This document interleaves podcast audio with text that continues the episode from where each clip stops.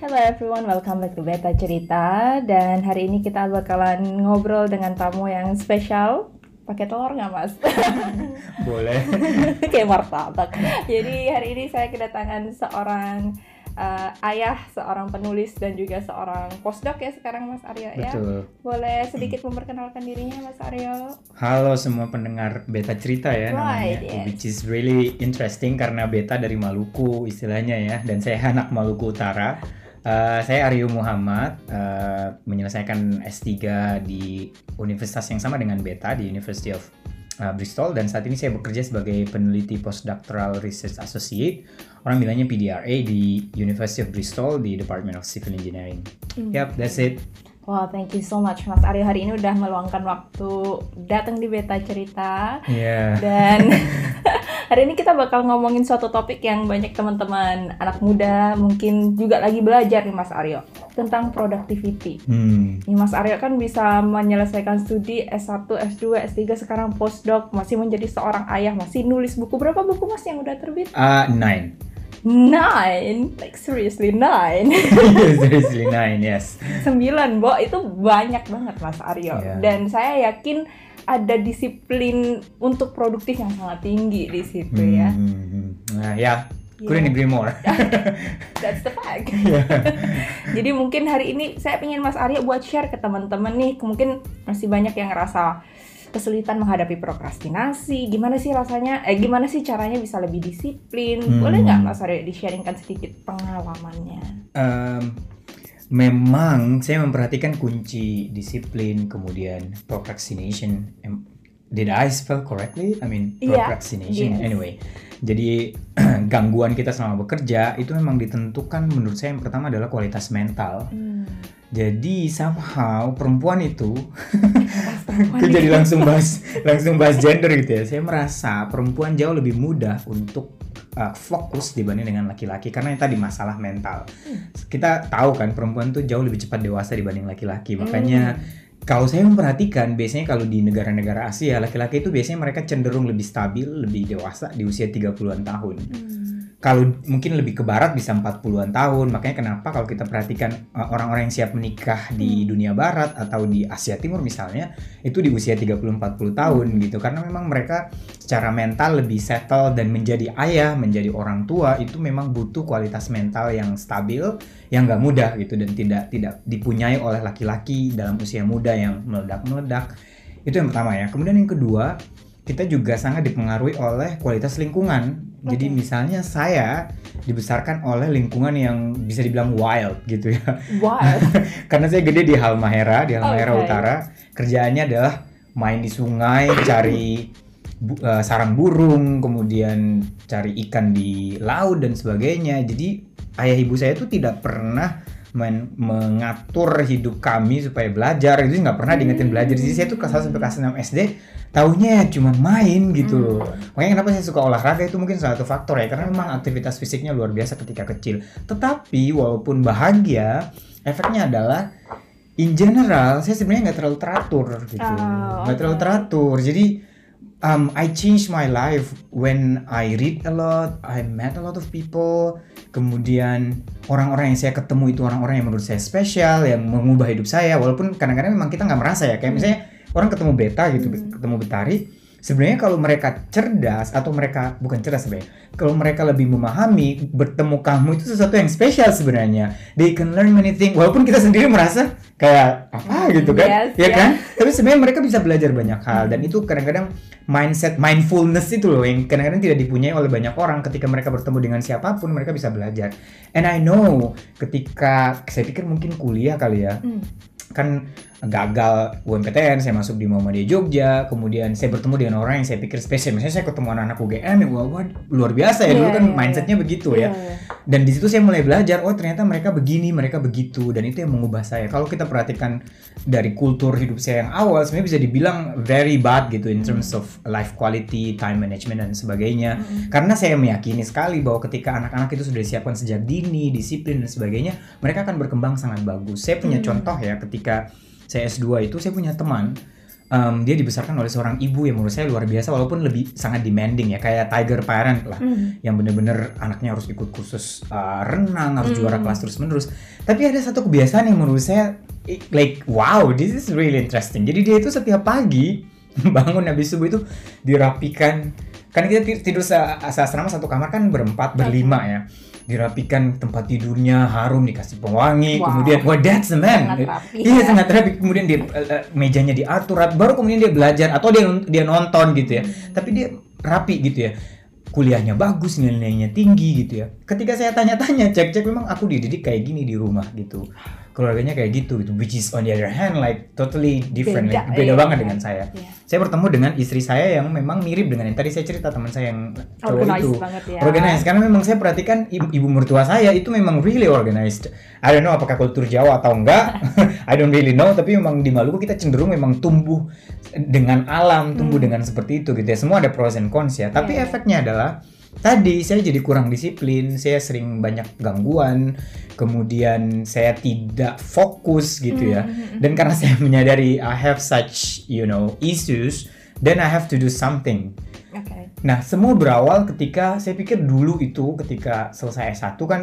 eh, di Muhammadiyah Jogja kan saingannya kurang segala macam kan. I Hmm. think then I'm I'm like the best gitu. Kemudian lulus lulusan terbaik gitu. Kemudian kemudian Everything seems everything seems, easy. seems itu easy indeed. Lalu di SMA juga begitu gitu di Maluku Utara juga nggak banyak sering menang lomba segala macam. Terus ketika saya S2 di Taiwan dan saya bertemu dengan misalnya lulusan-lulusan terbaik ITB, lulusan terbaik dari kampus-kampus di Vietnam, di Thailand, lalu kemudian saya menjadi oh no like I'm actually stupid like stupid in bukan konotasi Yeah, negatif ya, yeah. tapi kita merasa kita ternyata ketinggalan gitu ya. Dan itu yang tidak pernah dirasakan oleh istri saya. Istri saya selalu bilang bahwa kamu itu overconfidence, which I know, which I am so overconfidence. Walaupun somehow itu sangat membantu overconfidence itu karena saya jarang merasa gagal atau merasa ah aku nggak bisa tuh jarang Oke, banget karena oke. I'm always in that situation like such Tapi situation. kekurangannya akhirnya ketika nggak organize nggak Hmm, kerasa gitu nggak ya, kerasa. Ya. Betul sekali. Oh. Jadi, Nah, ketika saya lulus S2, memang nilainya oke gitu, walaupun nggak outstanding banget kayak teman-teman masih dapat cum laude, masih IPK-nya bagus gitu. Cuman eh, satu sisi saya merasa bahwa oh ternyata ya saya belajar itu kayak menganggap terlalu gampang, kemudian akhirnya nggak ada yang nyampe di kepala saya. Selalu saya selalu bilang saya ketemu dengan Alfa eh, yang lagi studi math di sini, Hmm. Nah, kebetulan papanya teman dekat saya. Saya bilang ke dia gitu, if if I can turn back time gitu ya, saya pingin kuliah lagi dan benerin semua mindset saya. Nah, makanya ini para pendengar beta cerita nih ya, mumpung kalian masih muda, makanya kenapa saya bawel banget di Instagram ngomongin banyak hal soal kedisiplinan, fokus dan sebagainya karena saya nggak pingin kalian mengalami hal yang sama. Hmm. Saya masih sedikit beruntung karena nilai saya nggak jatuh gitu. Kebayangkan kalau misalnya orang-orang yang sudah nggak bagus secara performa akademik, mereka nggak disiplin, lalu mereka merasa ah ini bukan dunia saya lagi gitu. Hmm. Mereka lalu merasa gagal. Saya saya, saya mau- sangat meyakini That's bahwa right. mau beta mau saya, Yeah. everyone has the same chance. Yes, yes. Tinggal mindset mental kita bagaimana. Kita mau put nggak? Kita mau berjuang nggak? That's that's the whole thing. Kayak kisah aku kan sebenarnya dari zero nih. Maksudnya kita dari Halmahera nih. Orang nggak akan mungkin gitu. Dulu saya aja nggak bisa buka kamus ketika SMP. Sekarang saya di Inggris kan. Kayak sesuatu yang it's, it's almost impossible Nggak kan. kebayang Nggak kebayang kayaknya ya. kan. Cuman kan mindset yang saya taruh gitu. Bagi mindfulness tadi yang saya cerita. Itu yang saya pakai. Lalu kemudian everything changes drastically when I start my PhD I think. Oh, before that, Mas Arya. Sebenarnya, eh, se- se- Oh, wait a minute. silakan, Eh, sebenarnya dua tahun sebelumnya saya udah belajar self management ya, walaupun nggak maksimal. Oke. So ya, Oke, kita mau balik lagi ke tadi statement Mas Aryo bahwa sebenarnya kita tuh kadang terlalu cepat menyimpulkan bahwa ini tuh bukan dunia saya Ya. atau maybe this is not for me gitu. Padahal problemnya sebenarnya di konsistensi untuk disiplin tadi ya. indeed, indeed. Jadi, jadi eh, beta mungkin sudah sering baca omelan saya tentang follow your passion. Aha, aha. Saya meyakini bahwa follow your passion itu tidak semudah yang diucapkan. Kayak Hmm. tadi ya, ah kayaknya saya bukan bidang ini nih. Kayak misalnya saya, ah, ini kalau ada pendengar yang mahasiswa S1 Hmm. jurusan per- jur- eh, semester pertama, semester kedua, kemudian tiba-tiba mereka bilang, ah kayaknya ini bukan bidang saya deh. Ah, Yes. Banyak banget banyak banget dan saya sangat gak setuju itu menurut saya saya sangat gak setuju yang pertama kalian belum meletakkan semua ikhtiar kalian dengan baik belum Hmm. belajar dengan baik sampai kalian belum menemukan cinta sebenarnya kalian kalau belajar dengan konsisten saya yakin kalian bakalan suka mau bidang apa pun Hmm. mau sosiologi mau antropologi I love those like Hmm. kalau Hmm. kalian belajar dengan benar itu kayak saya excited sekali nggak cuma tsunami di bidang saya misalnya Yes, ya kan yes.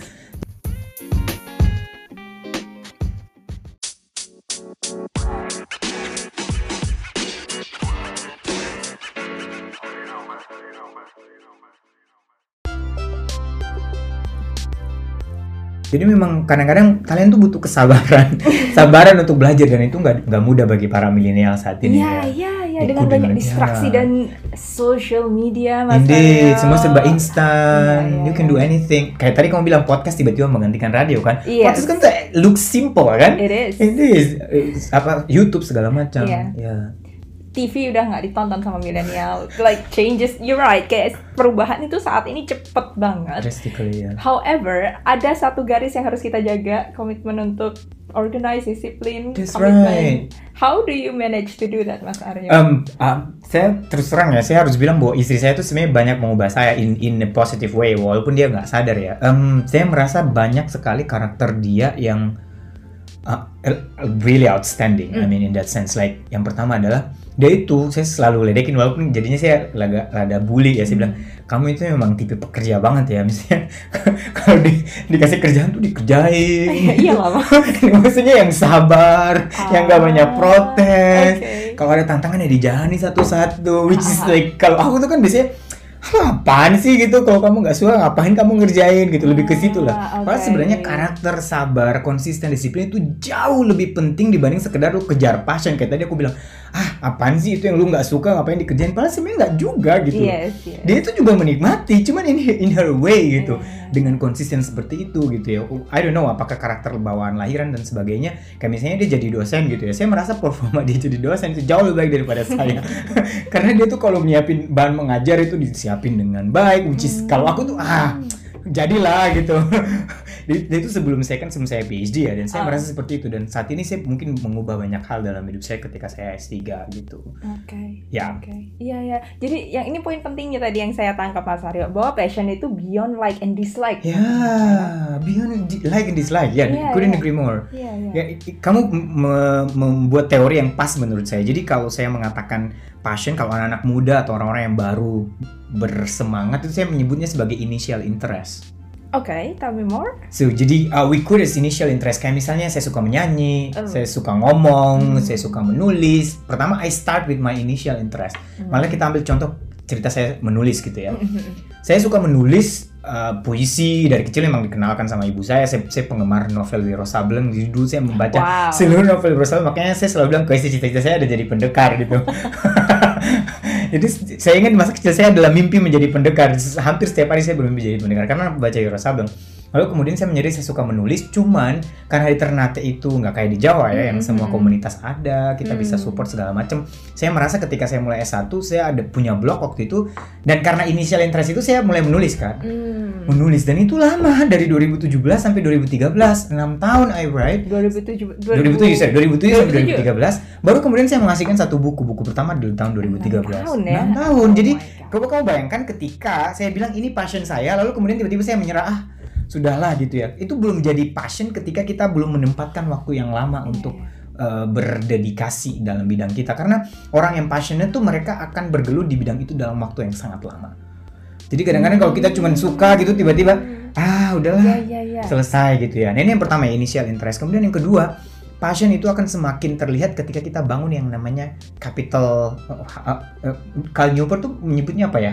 Uh, skill. Jadi dia, dia sebutnya sebagai skill untuk uh, menaklukkan passion kita. Tetapi dia sebut sebagai capital. Jadi kita Oh. invest di dalam diri kita skill-skill yang membawa kita untuk tetap bertahan dalam passion kita. Misalnya menulis. Menulis kan ada skillnya kan? Mm, mm, mm. bagaimana mengatur kalimat, kemudian membangun cerita, membangun konflik dan sebagainya. Dan itu butuh waktu gitu. Hmm. Semakin sering kita mengasah, maka passion kita akan semakin kuat gitu. Hmm. Rootnya itu semakin ke- keras gitu. Iya, Jadi kalau iya, iya. semakin tumbuh kuat, maka dalam waktu yang lama pun passion itu akan terus bergerak. Makanya yang kenapa jadi dislike and non dislike tadi, kadang-kadang kita tuh cuman awalnya cuma initial interest suka-suka aja gitu Ah. tiba-tiba kayak orang nulis blog tuh paling lucu deh. Saya sering Kenapa? menemukan orang yang di luar negeri tuh sering banget nulis blog pulang ke Indonesia mereka nggak nulis blog lagi gitu. Right. Itu mereka sebenarnya cuma punya initial interest tapi nggak dijaga dengan disiplin. Oh. Padahal sebenarnya kalau mereka konsisten, they could be a great writer, yes, yes, writer. yes, That's yes. right. Nah cerita ini yang saya bawa ke anak saya si Deliang ini, saya nggak pernah menyangka bahwa dia bakalan have a good sense of writing karena dia tuh kan lebih tipe istri saya ya maksudnya karakternya lebih banyak ke istri saya yang mungkin lebih engineer logically dia Hmm. lebih jago ngoding mungkin Mm-mm. walaupun dia emang uh, interestnya passion besarnya memang di engineer ya kalau kamu nanya dia selalu bilang pengen jadi engineer pengen jadi inventor Wow, wow. karena memang dia lebih suka bikin-bikin gitu lebih Hmm. most of his time kayak 70% tuh memang membuat sesuatu gitu tapi it turns out to be when he wrote a story which is really good. Terus Hmm. aku jadi tertarik kan wah ini anak ternyata punya bakat menulis nih. Mm-mm. nah mulailah tuh semua ilmu yang sudah saya pelajari as a person dan pernah saya terapkan. Saya coba membuat laboratorium kecil di dia gitu. Saya nggak tahu beta pernah dengar cer- cerita ini apa enggak tapi kalau beta tahu ada ada yang namanya keluarga Polgar. Polgar tuh keluarga pecatur. Oke. keluarga pecatur jadi bapaknya saya lupa nama bapaknya ya ya dia melahirkan tiga pecatur wanita terbaik di dunia salah satunya namanya Susan Polgar Mhm. nah pak ayahnya itu dia sebelum menikah dia sudah pingin menghasilkan anak-anak berkualitas dunia jadi mereka akan jadi top performers in the world tapi Wow. bidangnya terserah apa pun Pokoknya top. pokoknya top performer. performers Ka- Oke. karena dia seorang psychologist waktu itu Oh, oke. dia tahu ilmunya lalu kemudian dia memilih jadi ketika dia mau menikah ini nih tadi cerita Baririn dan kamu waktu di podcast kalian saya pikir this is really interesting. Oke. karena dan saya meyakini si uh, uh, cara si Polgar ini dia memilih perempuan yang kira-kira bisa membawa visinya sama-sama yaitu menciptakan top performers in the world. Ini, ini cerita yang unik yang saya pikir belum banyak orang dengar ya Jadi udah kayak diatur Betul, strategi. jadi kamu bayangkan? Mulai memilih istri. mau mulai Very ketika dia mau interesting. mikir top performers memilih memilih istri. Terus akhirnya dia menemukan seorang saya lupa lagi namanya istrinya kemudian ketika mereka menikah lalu mereka memutuskan oke kita mau jadikan anak kita apa nih Hmm. jadi mereka mutusin ada yang mau mereka milih mathematician mau jadi atlet lari kalau nggak salah Hmm. atau jadi uh, chess jadi apa namanya catur. catur pecatur gitu ha. dan kemudian mereka memilih pecatur dan waktu itu mereka berharap anak-anaknya perempuan karena waktu itu pecatur didominasi oleh laki-laki Right, yes. sampai sekarang sebenarnya Iya. ya karena logik kan itu Hmm. orang menganggap itu Stereotipnya ya, stereotipnya laki-laki. gitu Hmm. dia menganggap akan jadi luar biasa kalau misalnya anak-anak saya perempuan itu Right. turns out to be anak-anaknya adalah perempuan Wow. jadi kamu bayangkan dari ketika dia lahir, ketika masih dalam perut udah dikenalkan yang namanya catur. Jadi kayak dibawa ke turnamen-turnamen catur.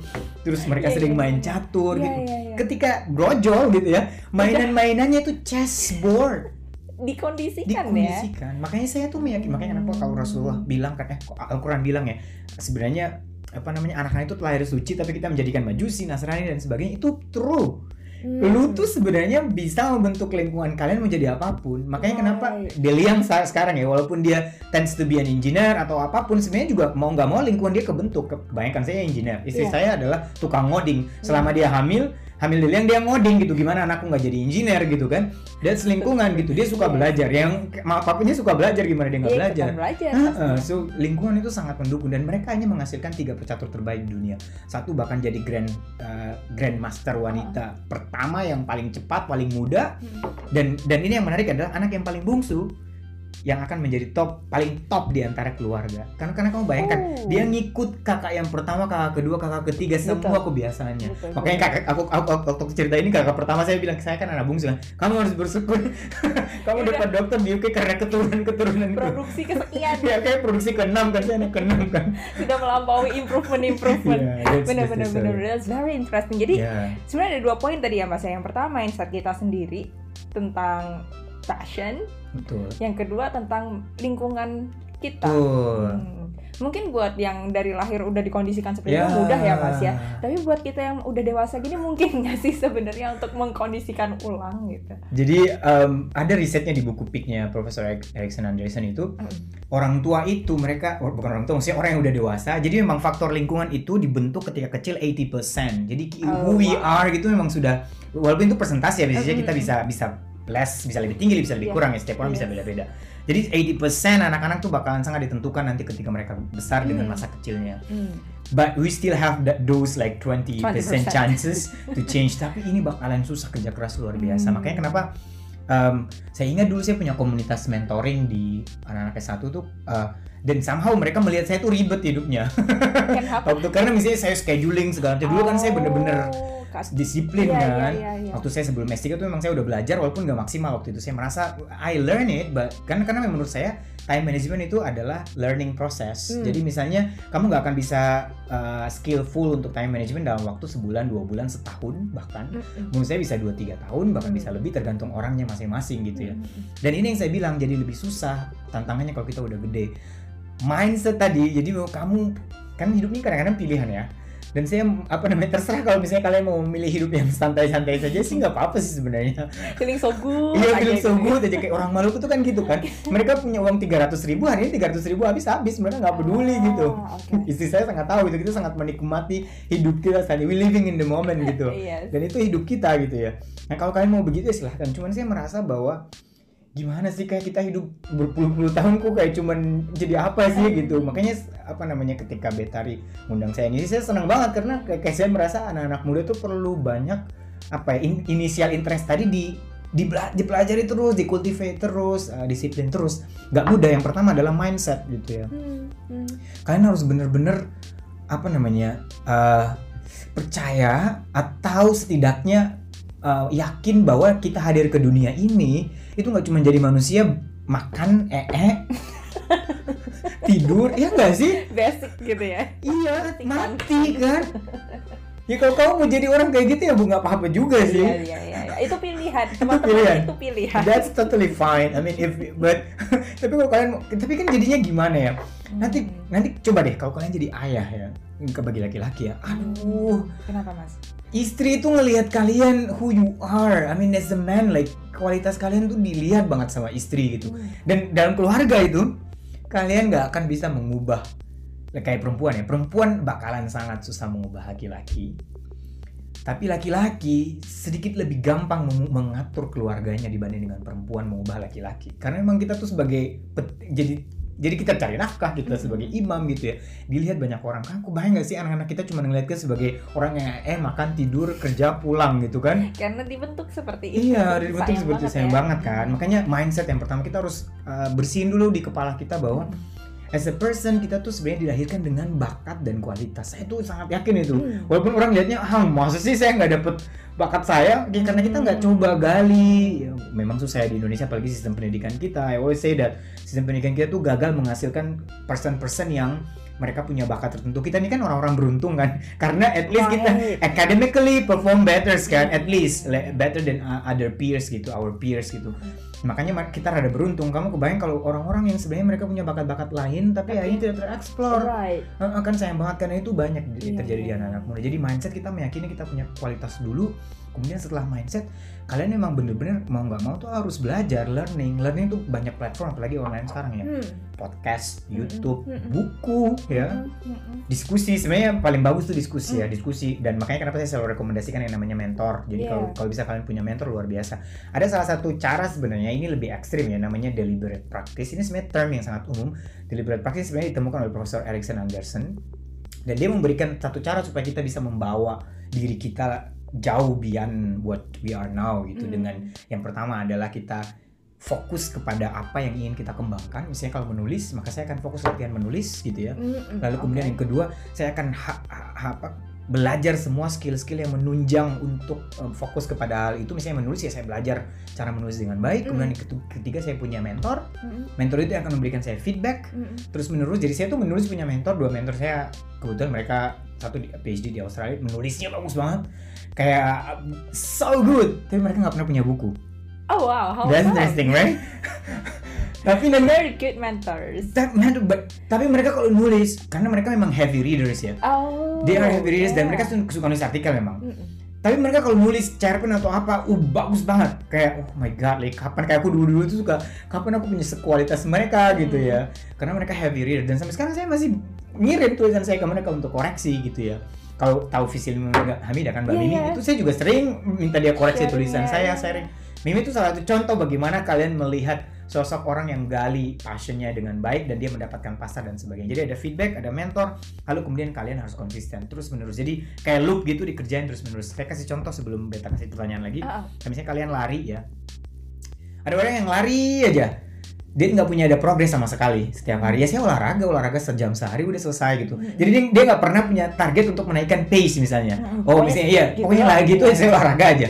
Itu berbeda orang yang pu- punya deliberate practice mereka punya target. Oke, I will uh, increase my pace. Dalam satu kilometer saya akan cuma 5 menit misalnya atau Hmm. 20 kilometer saya dapat 30 menit misalnya.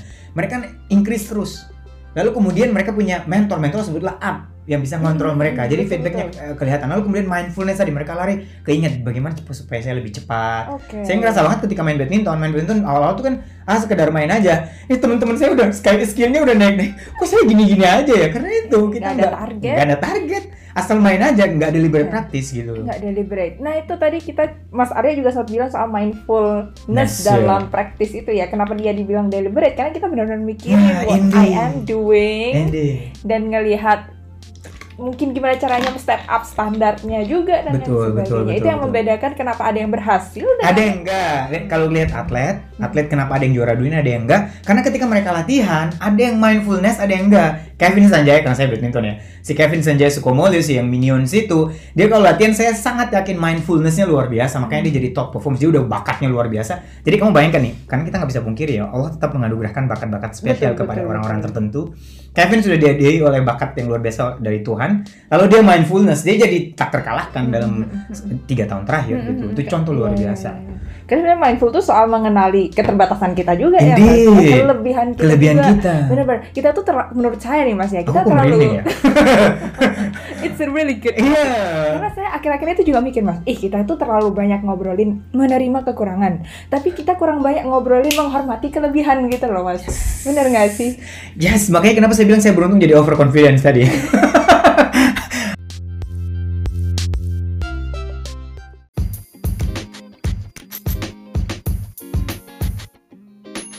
I think I always look at what I'm good at.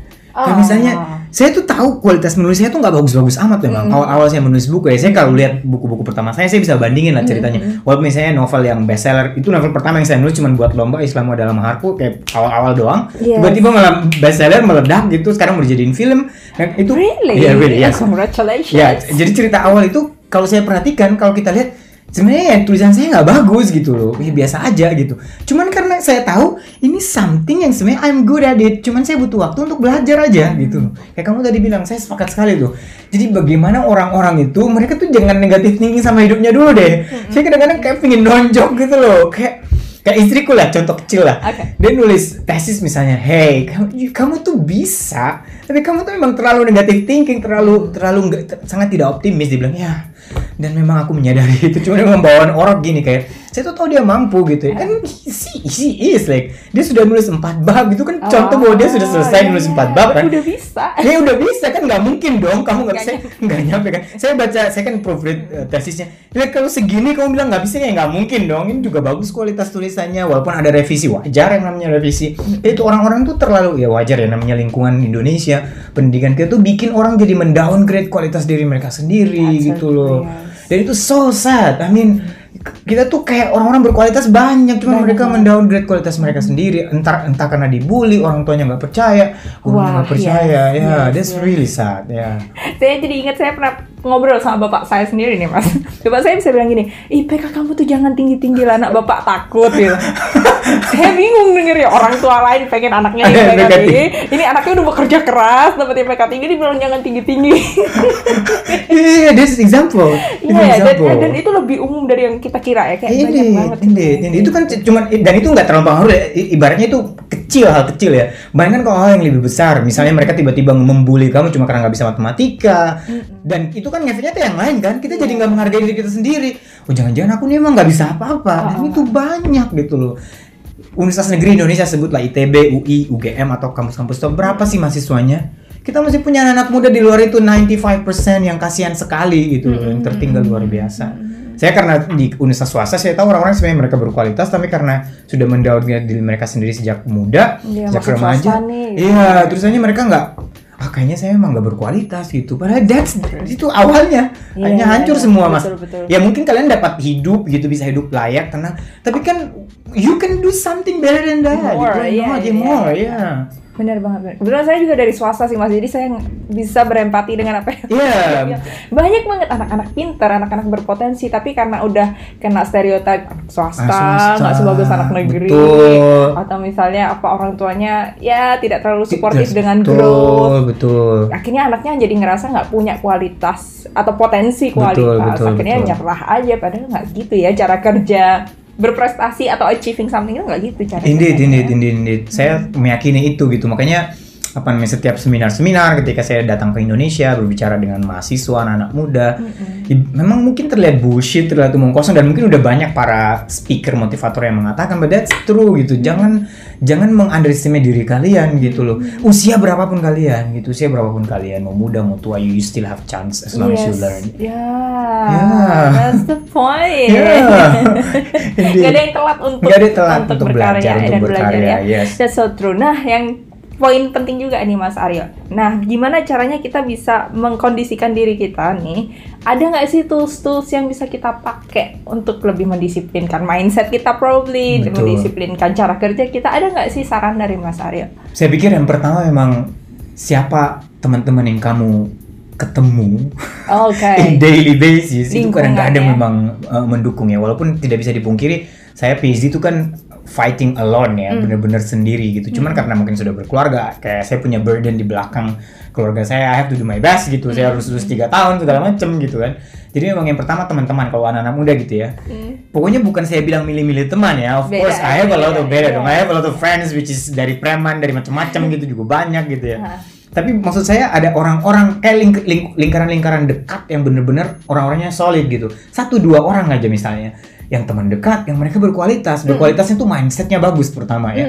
Mereka se- sefrekuensi ibaratnya sama Betul, kamu betul, gitu. itu betul, penting betul. sekali. Se- Sefrekuensi secara positif ya Mas. Aryo? ya, sebenarnya important. That's betul. important. Kalau saya fokusnya negatif juga bisa mereka hura-hura atau apa kan ya ribet juga Iya, kan. iya, iya. Indeed, ya that's important of course. Tapi maksudnya yang saya maksud adalah kalian sefrekuensi dalam hal yang positif tadi gitu ya.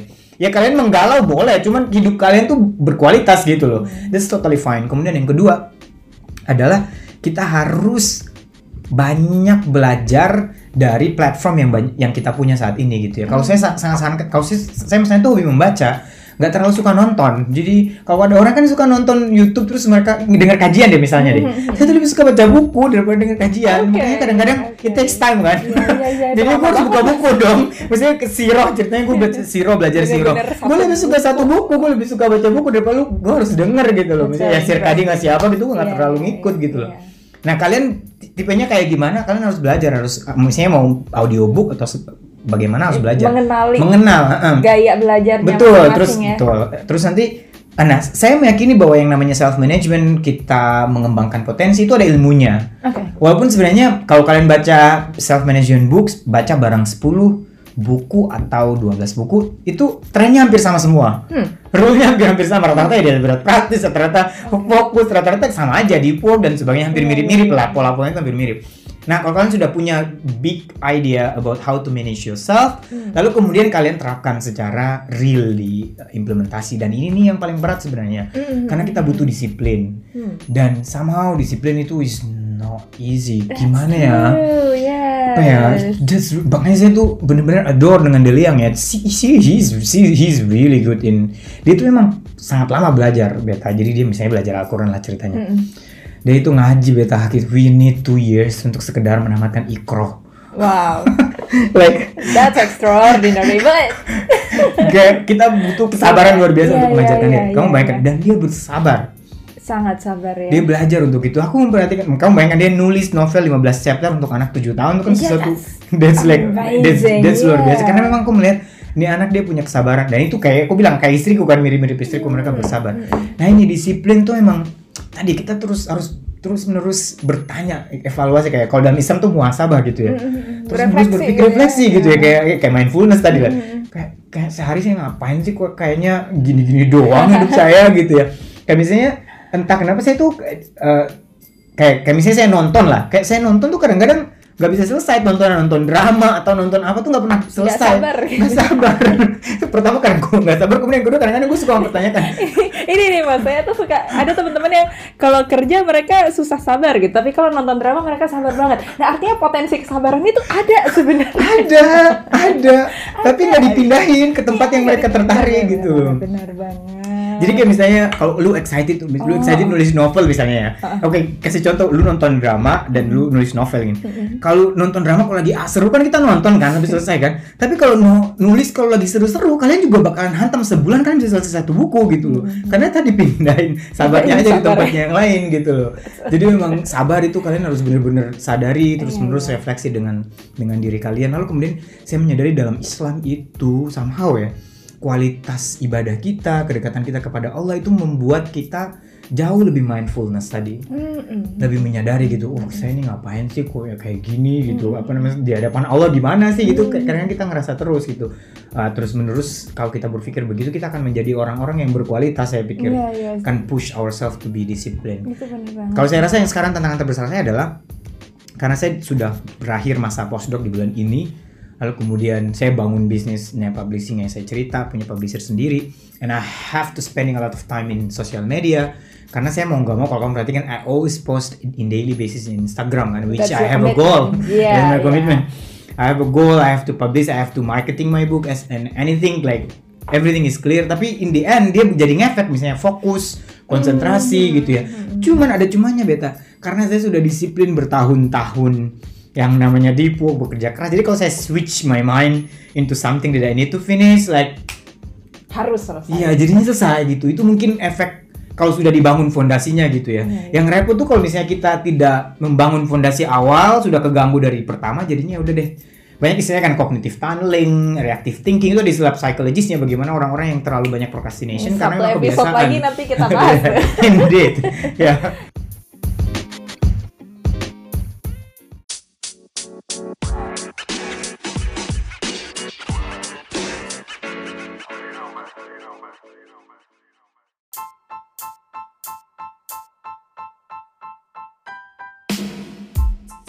Gitu ya. Oke. Yes. Jadi sebenarnya sabar bisa dibentuk, komitmen bisa Betul, dibentuk. betul, betul. Saya ingat Mas Aryo pernah kasih advice buat kami-kami mahasiswa di sini bahwa deep work itu habit yang perlu banget dibangun. Itu Betul. skill. Skill, Itu yes. skill in fact. Jadi kayak aku nyoba nih Mas Aryo sebenarnya beberapa minggu ini saya coba nih nge-track apa aja yang harus dikerjain.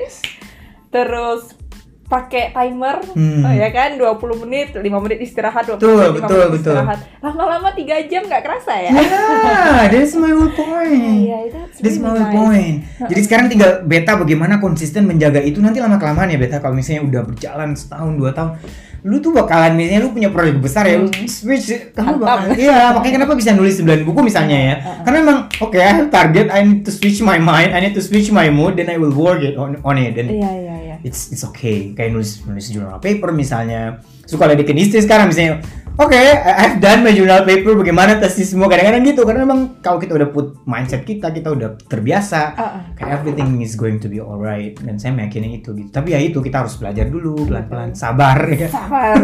Sabar please. Key keywordnya hari ini sabar.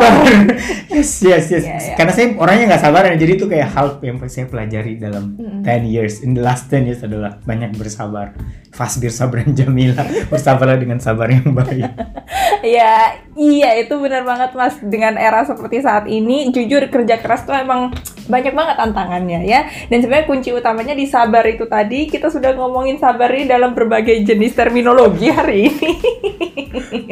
Aku suka banget dengan cara kamu apa mengambil kesimpulan dan menjelaskan. That's really good ya ya karena ujung-ujungnya ini ya sabar ya mas Betul, ya. betul. sabar dalam bentuk bahwa passion itu bukan hanya suka atau nggak suka aja tidak berhenti di situ.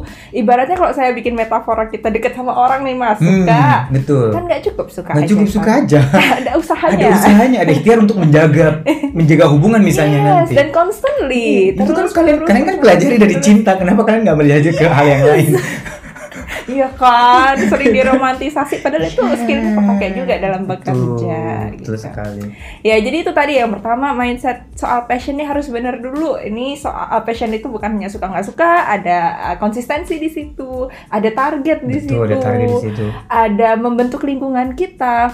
Privilege buat kita yang dibentuk oleh keluarga yang emang dari awal Betul. mengkondisikan, tapi bukan berarti kita yang enggak nggak punya chance sama betul sekali sekali. betul sekali Membangun uh, network dengan teman-teman yang positifnya sefrekuensi. betul betul sekali Boleh sih galau-galau, tapi yang kebanyakan. Ya, that's, that's totally fine I mean it's just part of life Iya, right Iya, kita nggak bisa tolak tapi di manage. di manage di manage supaya we don't spend too much energy terutama mood energy karena itu kalau bagi penulis itu sangat menentukan energi kalian bagaimana mendeliver karena naskah kalian jadi bakalan berbeda ceritanya ketika mood kalian tidak dibangun dengan Ya, there's- it looks like simple but it's really hard. Kayak misalnya ada yang bilang, ayo nulis dong ke koran gitu. Saya lagi nulis novel, saya nggak mau mengganggu Fokus mood, ya. mood fokus saya ya. buat ya, that's right. Ya. Ah, I mean, eh, tadi kamu juga sempat nyinggung ya. Saya saya sangat beberapa kayak beberapa bulan yang lalu ya, saya memperhatikan bagaimana Maudy Ayunda dibesarkan gitu karena she looks like uh, a good example. Karena kalau kamu mau menjelaskan ke anak muda, kayaknya belajar dari Maudy Ayunda tuh lebih nyambung. Dibanding you have to talk about someone like siapa gitu ya. yang jauh ya. yang jauh atau bukan artis lah ibaratnya.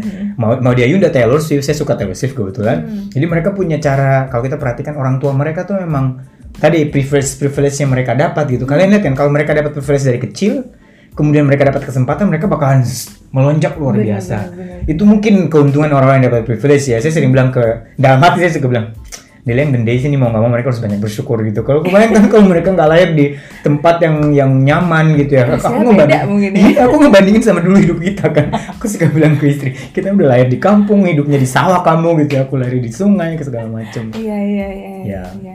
Tapi ya itu menarik juga Mas bahwa privilege itu bukan berarti yang lainnya nggak ada kesempatan. Indeed, ya. that's my point. Ya, kan ya, Tuhan ya. nggak adil dong kalau gitu. Ya, Indeed, uh, in the end kan apa namanya? Saya meyakini bahwa privilege yes, tapi nggak semua orang yang hidup di privilege mereka berhasil betul, kan. Betul. Banyak lah kita lihat anak-anak muda yang Yang sekolah di UK misalnya. Lay back aja. Iya, misalnya santai aja. Atau misalnya saya ketemu anak-anak yang, Hmm. ya, ya, saya perhatikan ya, yang paling menarik adalah karena saat ini saya gabung dengan badminton clubnya anak-anak Malaysia. Hmm. Mereka rata-rata self funded, orang tuanya kaya-kaya, Hmm, hmm, hmm, dan tapi banyak dari mereka yang punya mindset luar biasa. hmm. Tapi juga ada beberapa yang santai-santai aja gitu loh. Pada dasarnya dasarnya sama. sama aja gitu in the end kamu nih kamu bakalan put makanya hebatnya Allah ya sukses itu nggak doesn't mean kamu from privilege orang keluarga bagus memang Iya, iya, iya. mensupport mendukung kayak tadi saya bilang tapi kalau kamu bekerja keras kamu bakalan dapat kesempatan yang sama Pada akhirnya sukses itu keputusan Hmm, berarti. Mas. Iya. Oh, Oh, that's a very good one. Itu, itu iya. kalau dibikin judul buku, harusnya kamu yang ngambil judul bukunya. Pada akhirnya sukses itu adalah keputusan. Itu maksud tadi saya bilang, Iya, hidup ini iya. pilihan kamu. Hidup ini pilihan kan terlalu mainstream ya. Benar-benar. Pada akhirnya sukses itu adalah keputusan.